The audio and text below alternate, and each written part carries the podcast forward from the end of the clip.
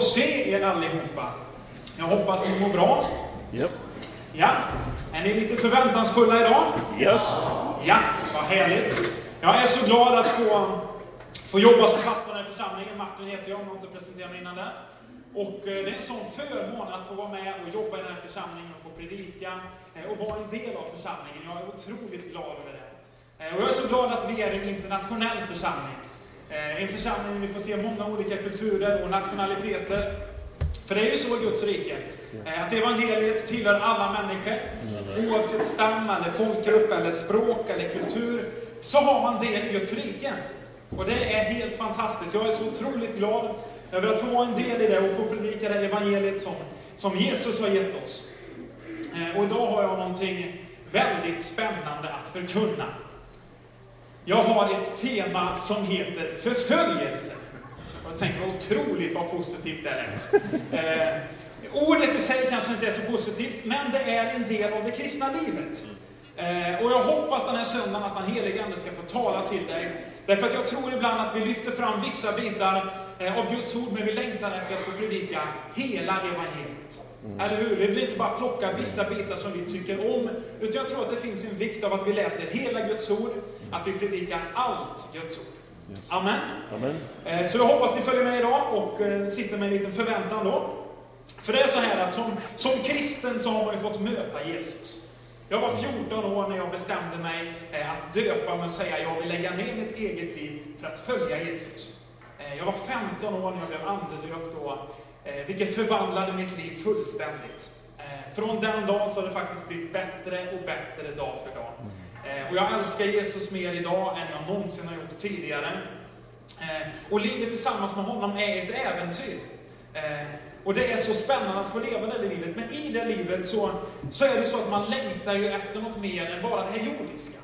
Jag är tacksam för att jag får bo i ett land där jag har tak över huvudet, en fantastiskt fin lägenhet. Jag får ju vara gift med en fantastisk fru och jag får äta mig mätt varje dag. Och Eh, jag har kläder på min kropp och jag får gå till en församling där vi kan samlas och, och läsa Bibeln tillsammans öppet. Eh, där jag i vardagen kan få vittna för människor utan att jag blir liksom fängslad.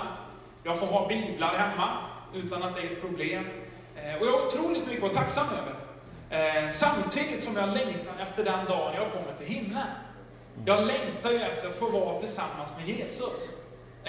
Och när jag läser Bibeln så är det många eh, genom både Gamla och Nya Testamentet som, som längtade efter någonting annat än bara det här jordiska. Det var till och med så att man står att man, man ansåg sig vara främlingar här på jorden, för man hade sitt medborgarskap i himlen. Och man ansåg inte sitt liv vara så mycket värt att man liksom la ner allting här. Utan man ansåg att det spelar ingen roll om jag faktiskt lider en del här, därför att jag har någonting annat jag är på väg mot. Man hade ett hopp, man hade en längtan, man hade en tro på en Gud och ett annat rike. Och det är ju samma evangelium idag. Vi har ju vårt hopp i himlen på Jesus. Vi har ju en längtan om att det ska komma ett nytt rike. Eller hur? Vi har ju en längtan om det nya Jerusalem, en, en himmel. Där det inte finns synd och ingen död och ingen sjukdom och ingen ondska. Utan där allting är gott. Det är ju vårt hopp. Eller hur? Vi, vi längtar ju efter att Jesus ska komma tillbaka. Yep. Visst är det så ändå? Yes. Amen. Jag längtar efter Jesus ska komma tillbaka i alla fall. Eh, jag är väldigt... Ja, ibland så längtar jag mer, tänkte jag säga. Ibland tänker jag om man, man kunde komma idag. Eh, men så har man mycket man vill göra också. Va? Men jag har en sån längtan efter att få vara tillsammans med honom. Och, och så läser jag då Bibeln va? och så inser jag att det finns ett bibelord som talar så starkt till mig. Det står i Andra Timoteusbrevet, kapitel 3 och vers 12. Eh, där det står så här. Ja, ni har det på väggen här. Att så kommer också alla som vill leva gudfruktigt i Kristus Jesus att förföljas. Vilken uppmuntran. Jag menar, hur många här inne vill leva gudfruktigt? Men det är ju ingen som vågar räcka upp handen bara för det. Det är klart att vi vill leva gudfruktigt. Vi längtar ju efter att leva rätt och rent inför Herren. Och då säger Bibeln, alla som vill göra det kommer att få ett mått av förföljelse eller lidande. Eller hur? Och så är det, även om vi inte vill det, så är det så i alla fall. För ibland är det så att vi... Ja, för det här är någonting som är väldigt viktigt som hänsyn till mig, att våran, våran teologi, vad vi tror på, det bygger ju inte vi på erfarenhet. Utan vi bygger ju vår teologi på Guds ord. Det här är väldigt viktigt tror jag. Att vi bygger inte vår teologi på erfarenheter, utan på Guds ord. Jag tänker ibland på, jag bara kopplar en annan grej här nu. Jag tänker ibland på när man till exempel ber för människor och så säger vissa som alla blir inte helade och ibland ska man vara sjuk och så här. Och det händer ju att alla inte blir helade, men fortfarande säger vår teologi att Gud botar sjuka. Amen. Eller hur? Mm. Oavsett om min erfarenhet säger någonting annat. Mm. Så kommer jag ändå lägga händerna på de sjuka. Varför då? Därför att Guds ord säger det. Och det här är någonting jag tror att den helige Ande vill bara säga till oss på nytt att vår erfarenhet måste bygga på, eller vår teologi måste bygga på Guds ord. Vi kan inte hela tiden följa, ja men erfarenheten säger det här, min tradition säger det här. Ja men det kan han göra, vi kan ta med oss det. Men fortfarande så måste grunden och det vi står på vara Guds ord. Amen. Amen. Eh, men nu som sagt så, så ska jag tala om förföljelse. Eh, och eh, det är så här att i vårt land så har vi det fritt och, och, så här, men det finns ju många länder runt om i hela världen där man inte har det lika enkelt som i Sverige. Jag slår upp en sida som heter Open Doors. Jag vet inte om ni vet, känner till den organisationen. Eh, de följer och ser vart det är som tuffast i världen att leva eh, och vart det faktiskt är som svårast att ut, alltså utöva eller leva ut sin tro. Eh, och då finns det, jag plockade här topp 5 då, på de länderna där det faktiskt är tuffast att leva som en kristen idag. Och det landet som är tuffast är Nordkorea.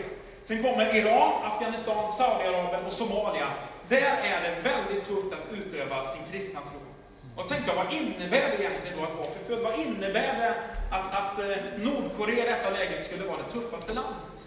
Om det är så här, slår man upp Nordkorea, så det är ungefär 20 miljoner invånare i landet. Och då står det att ingenstans i världen är den kristna förföljelsen så hård.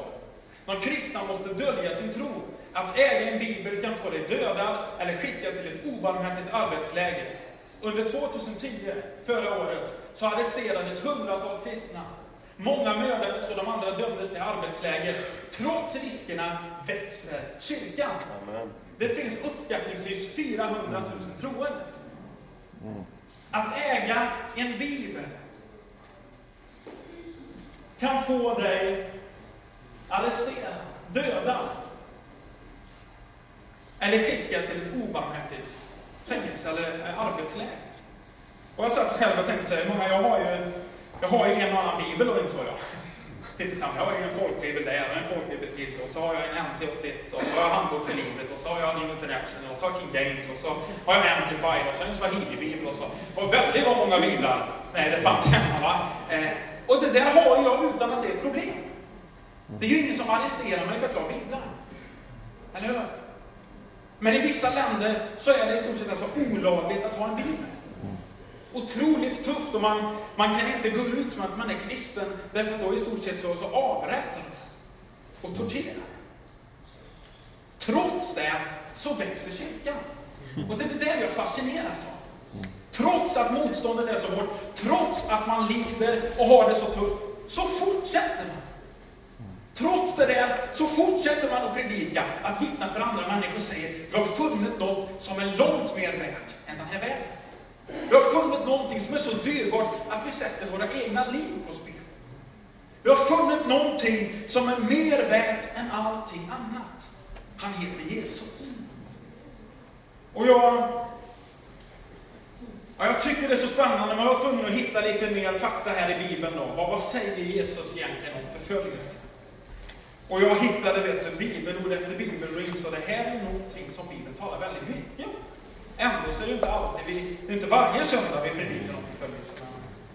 Eh, någon gång måste vi göra det. Eh, om vi slår upp Matteus kapitel 13 eh, och vers 18 till 23 så ger, har Jesus gett en liknelse om en såningsman som går ut för att så. Och han säger att såningsmannen är den som predikar ordet. Är ni med? Fröna här sådden, det är Guds ord. Och så säger han att det kan komma på olika ställen. Vid vägkant och bland sten i mark och, och så olika så här. Eh, och sen så ger han här en liten eh, innebörd av vad liknelsen betyder. Och då säger han så här, hör alltså vad som menas med liknelsen om såningsmannen. När någon hör budskapet om riket, men inte förstår det, så kommer han onde och rycker bort det som har blivit sått i hans hjärta. Detta är sådden i vägen. Det som såddes på stenig mark är den som hör ordet och genast tar emot det med glädje, men inte har någon rot. Han håller ut endast en tid. Och möter han lidande eller förföljelse för ordets skull, så kommer han genast på fall. Det som såddes bland tistlar är den som hör ordet, men världsliga bekymmer och bedräglig rikedom kväver ordet, så att det blir utan frukt. Men det som såddes i god jord är den som hör ordet och förstår, och som bär frukt är hundrafalt, och sextiofalt och trettiofalt. Jesus säger alltså själv och undervisar att människor kommer höra ordet, men när de möter lidelse eller förföljelse så kommer vissa på fall. Alltså säger han, du och jag kommer att möta förföljelse eller lidelse. Men då se då till att du håller ut. Eller hur? I detta så säger han att vissa kommer att, att genom världslig rikedom så blir ordet utan frukt. Och vissa som, som hör det liksom med glädje, men så kommer det lite tuffa tider. Det blir inte riktigt som man hade tänkt sig, det var inte medgång hela tiden. Och då tappar man det. Så att Jesus han undervisar själv och säger, en del av det kristna livet innebär alltså förföljelse. Det finns ett annat bibelord i, i Markus kapitel 10. Vers 28. Nu ska vi se här. Vers 28 till 30, ja. Det är Petrus som kommer till Jesus och säger så här, se, vi har lämnat allt och följt dig. Jesus svarade, amen säger jag ingen lämnar hus, eller bröder, eller systrar, eller mor eller far, eller barn eller åkrar för min och evangeliets skull, utan att få hundrafalt igen. Lyssna nu. Här i världen, där vi är nu, får de hus, bröder, systrar, mödrar, barn och åkrar mitt under förföljelse. Och den kommande, nu ska vi säga, mitt under förföljelse och den kommande tidsåldern så får de evigt liv. Alltså säger Jesus att mitt i den här världen så kommer det förföljelse. Men ingen lämnar, liksom, eh, lämnar hus och mamma och pappa och, och liksom syskon utan att få tillbaka en massa. Mitt under den här tidsåldern så kommer vi möta lidelse och, och, och liksom förföljelse, men vi kommer i framtiden att äga ett evigt liv i den kommande tidsåldern. Och det är där vi har vårt hopp. Eller hur? I en kommande tidsålder. Mm. Lika bra att ta det till känner jag, så att vi riktigt får det bibelförankrat här, va? Johannes kapitel 15, vers 18-20 20. Jag älskar att höra det här prasslet. När folk sitter och bläddrar i sina biblar. Vet jag. jag tänkte, det finns ju de som inte har med sig, så då kan jag ju faktiskt förbereda lite. Va? Eh, men det är ju så underbart att ha med sig Bibeln till kyrkan och sitta och bläddra fram och tillbaka och, och hitta. Va? Mm. I Johannes kapitel 15 och vers 18 eh, till 20 så står det om världen, detta är Jesus som säger detta. Om världen hatar er ska ni veta att han har hatat mig innan han hatat er. Om ni vore av världen skulle världen älska er som sina egna. Men ni är inte av världen, utan jag har utvalt er och tagit er ut ur världen. Därför hatar världen. Kom ihåg vad jag har sagt. Tjänaren är inte för mer än sin herre. Har ni förföljt mig, skall det också förfölja er. Har ni bevarat mitt ord, skall det också bevara er. Jesus säger alltså att tjänaren är inte för mer än sin herre. Har det förföljt mig, kommer det också att förfölja er. Visst är det underbart? Det är inte så jättemånga amen idag. Jag vet inte vad det beror på. Eh, men det är så här, vi kommer att möta en del. Jag säger inte nu tänker du så här, ja, livet är fruktansvärt. Allt blir jobbigt och negativt. Så är det absolut inte. Men i den kristna tron finns det ett mått av förföljelse, ett mått av lidande, som du och jag faktiskt måste gå igenom. Eh, men vad säger då egentligen eh, Jesus om förföljelsen? Jo, vi ska slå upp här. Vi tar eh, Matteus. Ni får bläddra, det blir mycket bibel idag. Visst är det bra med biblar? Bibelord. Matteus kapitel 5 och vers 10. När jag läser det tänker jag, vad är det här sant? Men det är det ju eftersom det är Guds ord. I Matteus 5, 10-12, så säger Jesus, saliga är de som blir förföljda för rättfärdighetens skull. Dem tillhör himmelriket. Saliga är ni när människor hånar och förföljer er, ljuger och säger allt ont om er för min skull. Gläd er och jubla, ty er lön är stor i himlen. På samma sätt så förföljde man profeterna före er. Man undrar ju vad håller Jesus på med här? Han säger alltså, när förföljelsen kommer, så gläd er och jubla. På samma sätt så gjorde man med profeterna före er. Alltså säger han att när det blir tufft, när man förföljer er, när man talar illa om er, när man hånar er för Kristi skull, vad ska ni göra då? Glädja er och jubla. Jag vet inte hur det låter när du jublar. Eh, men när man jublar så är man ju glad, man ropar ju, man liksom gläds över någonting. Bibeln säger alltså, gläd dig när du möter tuffa tider. Gläd dig när du möter förföljelse. Ja, men är det sant där? Ja, det är lika bra att vi tar ett bibelord till, jag ser på er att ni vill ha det. Eh, I första Petrus, kapitel 4.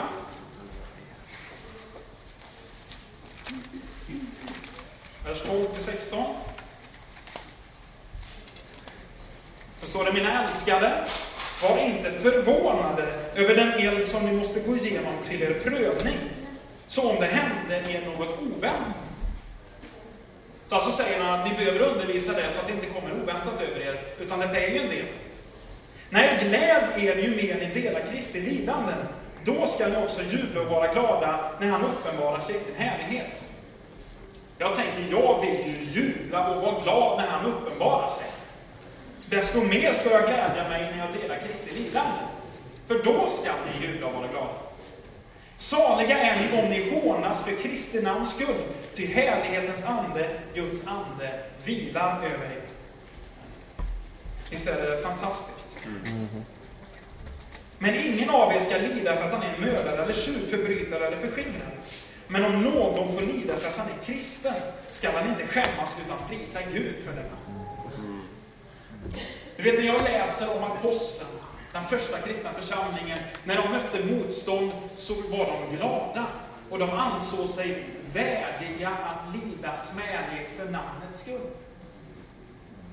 De ansåg det som en glädje, står det, när de blev berövade sina ägodelar. Varför då? För de ägde någonting som var bättre.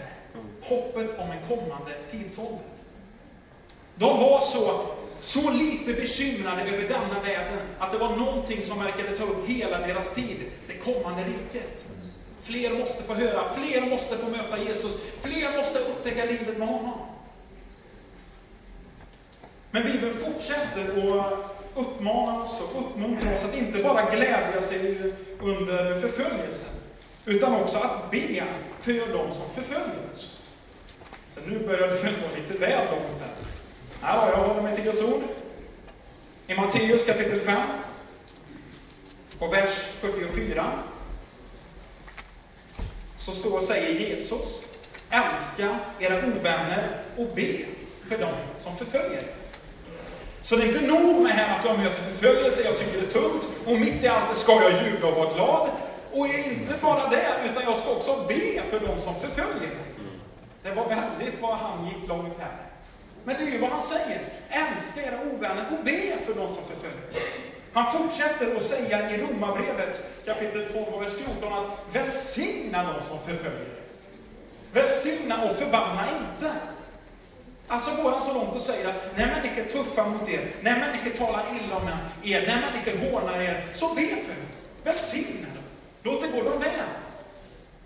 Så det är ju helt orimligt. Ja, i egen kraft är det. Men fyllda av Guds ande så är det möjligt. Fyllda av Guds liv så är det möjligt att göra allt det här. Men i sig själv så håller jag med. Det är fruktansvärt tufft. Jag skrev så här att förföljelsen ledde till att evangeliet spreds ännu mer. Man verkade ha en sak för ögonen. Fler måste få höra om Jesus. Eller hur? Någonting som, var, som, som de var upptagna av hela tiden. Fler måste få höra. Och jag tänker mitt i västvärlden som vi lever i, ett, ett underbart land och vi har allting gott och det har blivit så bekvämt och så är det nästan som om vi inte behöver Jesus. Medan människor i andra länder är fullt upptagna genom att upptäcka mer hos Jesus, läsa mer, se mer, berätta för fler. Jag tror det finns någonting här som vi har att lära oss. Och jag tänkte att vi skulle titta också lite på den första kristna församlingen. I Apostlagärningarna kapitel 8 så står det från vers 1 fram till vers 4 att samma dag här nu, de hade alltså eh, stenat Stefanus, en av församlingens medlemmar här. Samma dag så bröt en svår förföljelse ut mot församlingen i Jerusalem och alla utom apostlarna skingrades över Judeen och Samarien. Kan ni föreställa er att en svår, att en svår förföljelse skulle bryta ut i Skövde och alla utom apostlarna, så alla utom de skulle säga församlingsledningen, skingrades över hela Västgötaslätten? Det är väl ungefär fritt översatt. Alla var tvungna att flytta härifrån. Alla var tvungna att gå ut. Varför då? De var så förföljda att de kunde inte bo kvar. Några gudfruktiga män begravde Stefanus eh, och höll stor dödsklagan över honom. Men Saulus, han försökte utplåna församlingen. Han gick in i hus efter hus och drog fram både män och kvinnor och lät sätta dem i fängelse. Det som nu hade skingrats gick omkring och predikade evangeliet. Det är inte nog med att man nu möter en svår förföljelse och tänker vi kanske ska bromsa lite och ta det lite lugnt. Men vad gör man? Man skingras och får gå till en annan stad. Vad gör man då? Man fortsätter att predika evangeliet. Det finns liksom ingenting som verkar hålla dem tillbaka. De tänker, vi får nog fronta ännu mer. Vi måste fortsätta ta nya områden. Fler måste få höra. I Apostlagärningarna inte längre fram i kapitel 13. Och från vers 49 så, så fortsätter det. Vad som hände med, med folket när, när förföljelsen kom. Och det står att Herrens ord spreds över hela området. Men judarna hetsade upp de ansedda kvinnor som fruktade Gud och de främsta männen i staden och de satte igång en förföljelse mot Paulus och Barnabas och drev bort dem från sitt område. Då skakade de dammet av sina fötter mot dem och begav sig till Ikonium. Och lärjungarna uppfylldes av glädje och den helige Ande. I Ikonium hände samma sak. Alltså det verkar ha varit en otrolig medgång de hade. På plats efter plats hände samma sak. Folk blev uppeggade, folk blev arga och förföljde. Det gick så till judarnas synagogor och predikade så att många, både judar och greker, kom till tro. Men de judar som vägrade att tro eggade upp hedningarna och hetsade dem mot bröderna. Alltså plats efter plats när man blir förföljd så går man till en ny plats och man fortsätter. Visst är det underbart? Jag ser ett mönster. Samma sak, gång efter gång, mm. efter gång, efter gång. Det innebär, jag tror att vi har någonting att lära. Mm. Och då tänker jag, väldigt vad mycket bibelord han ska ha idag. Amen, säger jag. Det är ju Bibeln vi bygger våran tro Och så säger Bibeln så här att tro kommer av predikan. Och predikan i kraft av Kristi ord. Amen. Så du kan sitta här och bara ta emot tro. Visst är det fantastiskt? Det kan man kalla en sån här konsumentgrej. Du kan bara sitta här och inte göra någonting. Tron bara kommer in i dig. Däremot kan du bli aktiv och ta emot det. Eh, det är en annan femma. Så att frågan lyder alltså inte, kommer förföljelse?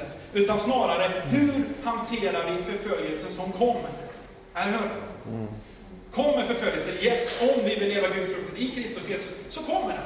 Så frågan blir ju, hur hanterar vi den då? Kommer vi göra på samma sätt som de här gjorde? Eller kommer vi tänka, vi tar det lite lugnt, vi behöver väl inte vara så offensiva? Måste du predika om Jesus varje gång? Måste du berätta hela tiden? Måste du be för mig? Du kan väl lugna ner dig? Sitt liksom lugnt tillbaka och ta det lugnt som alla andra.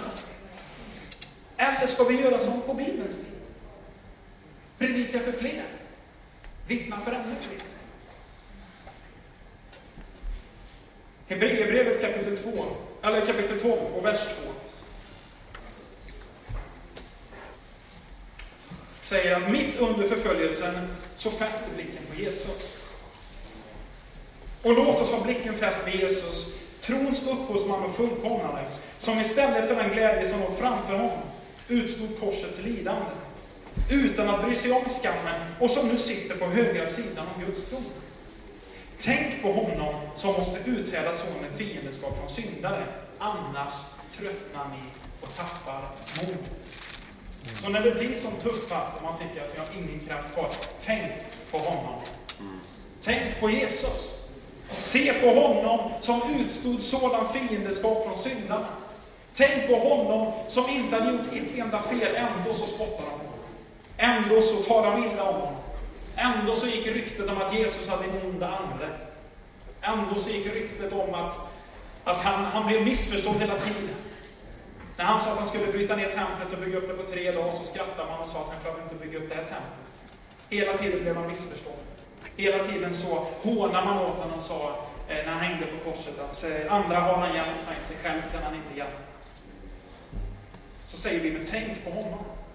När du har det tufft, när människor talar illa om dig, när människor skrattar åt dig, när människor hånar dig för att du står upp för den kristna tro, tänk då på Jesus. Mm. Du är inte i närheten av det han fick genomlida. Du är inte ens i jämförelse med det han fick utstå. Trots att han inte hade begått en enda synd, så identifierade han sig med din och min synd. För att bära gång för alla. Så att du och jag skulle kunna uppleva det. Andra Korinthierbrevet. Kapitel eh, 4, vers 17 och 18. Det är nästan rena bibelstudier här. Så säger Paulus, när han undervisar korintierna, så säger han, ty vår nöd som varar ett ögonblick och väger lätt, bereder åt oss på ett oändligt rikt sätt en härlighet som väger tungt och varar i evighet. Vi riktar inte blicken mot det synliga, utan mot det osynliga. Till det synliga är förgängligt, men det osynliga är evigt. Eller hur? Mitt under det här så gäller det för dig och mig att ha ögonen fäst på rätt saker. Är det våra materialistiska saker? Är det våra hus, våra bilar, våra semester? Är det liksom grejerna vi ska göra? Är det församlingen, kyrkobyggnaden? Eller ska vi ha fäst våra ögon på människors själar?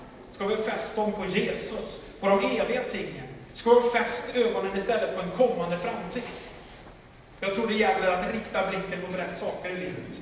Romarbrevet 8.18 säger att jag hävdar att den här världens lidande väger lätt i jämförelse med den härlighet som ska uppenbaras och bli vår. Amen. Jag hävdar att den här världens lidande väger lätt i jämförelse. Men hur kommer man hit då? Det handlar om att den gången man möter Jesus, så säger man, det finns ingenting som går att jämföra med honom. Det finns ingenting. När Jesus själv undervisar om Guds rike så säger han att det är som när en man fann en dyrbar pärla. Vad gör han då? Han går och säljer allt vad han äger för att köpa den pärlan. Han säger att han har funnit någonting som är mer värt än allting annat. Så allt det andra som han förut tyckte var någonting, det säljer man och det betyder ingenting längre. Det är att jag har funnit någonting annat. Det som jag förut tyckte var värt någonting, min utbildning, min karriär, hus, prylar, pengar, bilar, allt det där som jag tyckte var något fantastiskt förut. Jag har funnit något annat som är långt mera värt kunskapen om Kristus. Kunskapen om ett kommande rike, kunskapen om ett evigt liv. Och det väger mycket, mycket, mycket mer än allt det andra. Jag skulle vilja säga så här, att lidande och förföljelse är en del av det kristna livet. De behöver vi ska säga, lidande behöver inte vara ett nederlag, tvärtom. Jag tror att lidande och seger går hand i hand. Det finns ett bibelord här som det står i Romarbrevet 8, 35-37. Att vem kan skilja oss ifrån Kristi kärlek? Nöd eller ångest? Förföljelse eller hunger? Nakenhet, fara eller svärd? Det står ju skrivet, för din skull så dödas vi hela dagen, vi räknas som slaktfår. Men i allt detta vinner vi en överväldigande seger genom honom som har älskat oss. Mitt i allt detta, mitt i nöden, mitt i lidelse, mitt i nakenheten, mitt i hunger, så möter vi en överväldigande, så får vi en överväldigande seger genom honom som har älskat oss. Så mitt i allt det där så behöver det liksom inte vara bara jobbigt, tungt och negativt. Utan jag tror att vi möter lidelse och förföljelse för att äktheten i vår, pro, i vår tro ska prövas. Vad är det som betyder någonting egentligen? Det är lätt att vara kristen här inne idag. När alla andra är med och ber, när alla står upp, när alla lyfter händerna. Men sen på måndag när man kommer till arbetsplatsen och så är man ensam där, då är det inte lika enkelt. Men det är först under tryck eller press som man märker vad som finns på insidan. Det är först när det faktiskt blir lite jobbigt som man ser, vad är det som betyder någonting? Jag brukar säga det på vårt segelstoppsläger som vi har varje år med, med 200 vet du, vilda ungdomar som, som står och hoppar och det riktigt rinner ur mungiporna på dem. Så här, va? Inte riktigt, men eh, vi, vet, vi vet hur vilda tonåringar är. De står nästan på bänkarna och ropar och så här. Va? Eh, och, och jag kanske står och letar på där också då. Eh, mitt i allt det där så säger jag, nu är det enkelt att vara kristen. Men vad händer nästa vecka när ni kommer hem? Det är ju då man märker vad som finns på insidan. Det är då man upptäcker, vad är det som har hänt? Och det är då det prövas, vad det är vi tror på eller vad vi inte tror på. Jag ska avsluta genom att säga så här i Filipperbrevet, kapitel eh, 1 och vers 9 så står det att för Kristi skull har ni nu fått nåd, inte bara att tro på honom, utan också att lida för hans skull. Alltså behöver vi inte bära det själva, utan Herren ger oss nåd Nåden att tro på honom, men också nåden, kraften av att kunna bära Kristi lidande. Vi har fått nåd inte bara att tro på honom, utan också nåd att bära det lidande som faktiskt tillhör vår tro. Han säger vidare i 1 Petrus 2.19 att om någon vet att Gud är med honom och håller ut att få lida oskyldigt, så är det nåd ifrån Gud. Alltså, mitt i allt när det är tufft, så får vi kraft ifrån Herren att stå upp för honom. Om vi sitter nu och tänker, hur ska jag göra när de kommer börja förfölja mig? Så är det inte din egen kraft det handlar om. Utan det är att få kraft ifrån Herren att klara av det. Jag tror ni känner till en man som heter William Booth. Ni vet vem det är va? Mm. Grundare av Frälsningsarmén. Han stod en gång och predikade, tror jag han gjorde. Vi kan ta fram den bilden här. Vi ser en där jag försöker komma i närheten. Jag har en bit kvar. Eh, han stod bland en folkmassa och så spottade de på honom. Och då säger han så här att torka inte bort dem. De är medaljer för Kristus. Han hade kommit någonstans, en viss mognad i sin relation med Gud. Att han visste att även om de spottar på mig, även om de klankar ner mig, så är jag värdig evangeliet. Jag bara älskar det citatet. Torka inte bort dem, de är medaljer för Kristus. Och du vet, när jag satt då och funderade på så här, vad ska jag predika den här söndagen i församlingen? Ja, jag ser det som en förmån varenda gång jag får stå här och få förkunna Guds ord för er och tillsammans med er. Så tänkte jag, Herre, vad är det du vill säga? Och när jag satt och funderade igenom och satt och läste så tror jag en helig Ande sa till mig att det finns ett samband med att ju starkare ibland förföljelsen är, desto starkare växer församlingen. Mm. Och genom det tillstånd som vi har kommit i vårt land, av bekvämlighet, av materiella saker, av, av liksom, eh, att vi har allt så bra, så tappar vi ibland det vi kallade att göra. Därför att det blir lite jobbigt. Det blir lite tungt. Det blir lite så svårt.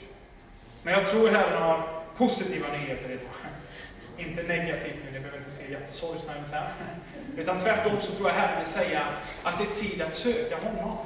Det är tid att på nytt plocka upp det som är det viktigaste. Det är tid att på nytt komma tillbaka till den första kärleken. Det är tid att på nytt säga Jesus, jag vill tillbaka den tiden när jag var så där brinnande. Jag vill på nytt bli en sån där överlåten människa som sätter Jesus högre än allting annat. Som faktiskt framför familjen så sätter jag Jesus. Det finns ingenting som är så betydelsefullt som Jesus. Jag tror att vi behöver komma dit igen. Och jag tror att Jesus den här dagen faktiskt skickar ut frågan till dig. Är du beredd att på nytt överlåta dig till honom? Är du beredd att på nytt säga Jesus, det är dig jag vill ha som nummer ett i mitt liv? Kanske har det smugit sig in bekvämt. Kanske har det smugit sig in en liten ja, avslappnad, apatisk inställning. I så fall så tror jag Jesus vill röra vid den här förmiddagen och faktiskt ingjuta nytt mod, nytt hopp, ny glädje och att vi på nytt får fästa ögonen på rätt sak. Kan vi göra så att vi ställer oss upp på våra fötter tillsammans här? Eh, ja, vi kan göra så att musikerna får komma fram här igen. Ska vi ta en stund där vi får sjunga lovsång och få prisa Gud och ära honom för den han är. Eh, och jag skulle också vilja göra så att vi gör en inbjudan här, för jag tror ibland att det är skönt att få ta beslut Jag vet att om jag skulle säga eh, hur många är det som vill ha mer av Gud, så skulle jag vara förvånad om inte i stort sett 95 procent av församlingen kommer fram. För om man inte vill ha mer av Gud så borde det vara någonting som är fel. Visst är det så? Mm. Eh, och ibland så har vi missat poängen av förbön i församlingen därför att vi tror att det är de som, som är svaga och hjälplösa som kommer fram. Jag skulle vilja säga att de som kommer fram för förbön är de som är starka. För de som säger, jag vill någonting. Jag visar min svaghet inför Gud och säger, i mig själv har jag ingenting. Jag förväntar mig få någonting från honom. Så att i församlingen så tror jag att du och jag skulle behöva ta bort de här maskerna ibland och vår stolta fasad eller vår, vår liksom image vi har. Och faktiskt inför varandra bli som den familj vi talar om att vi är. Vi talar om att vi är en, en familj där vi är bröder och systrar och där vi kan visa för varandra precis hur det är. Och då tror jag att vi kan inte bara tala om det, vi måste visa det också. Det betyder att vi, vi behöver be för varandra. Vi behöver hjälpa varandra. Vi behöver säga som det är. Och jag skulle önska den här söndagen, jag tror faktiskt vi ska göra så här att vi, att vi blundar. Bara med respekt för varandra. Jag ska inte peka ut någon eller plocka fram dig. Däremot skulle jag vilja göra en inbjudan och fråga mellan alla blundar där inne och böjer sina huvuden, så är det bara jag som tittar. Så vill jag fråga om du finns här inne, som säger det har kommit in saker i mitt liv som gör att jag inte faktiskt har Jesus främst. Jag är inte så brinnande som jag var när jag först fann honom. Men jag skulle önska att jag på nytt kom tillbaka och hade bara Jesus för ögonen. Att precis som apostlarna så vill jag bara hela tiden inte låta någonting annat vara så viktigt som Jesus är. Om du finns här, skulle inte du bara kunna räcka upp din hand i så fall? Tack Jesus, lägg upp händer överallt.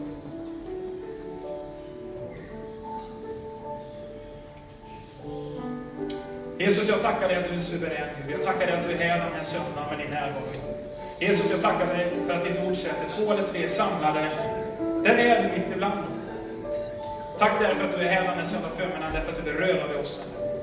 Jag tackar dig för ditt ord, Herre, som är levande och verksamt, Herre, som talar till oss, Herre, som korrigerar oss, som slipar oss och som vägleder oss. Och jag ber, jag ber, Herre, att vi den här söndagen på nytt skulle få sträcka oss efter mer av dig. På nytt så ber vi Jesus att hjälpa oss att inte bli apatiska. Hjälp oss Jesus att inte bli likgiltiga. Hjälp oss Jesus att bli brinnande, att sätta dig främst. Att leva det liv som du har kallat oss till. Låt det få brinna i våra hjärtan en eld, En nöd, Du ser alla händer som har gått upp den här stunden. Jag ber att du ska välsigna var och en. Jag ber att du ska tala till dem här. Jag ber att du ska omsluta dem. Jag ber att du Jesus på nytt skulle möta med dem.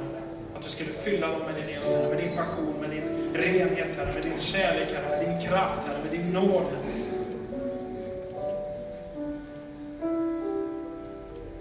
Jag ber om dig,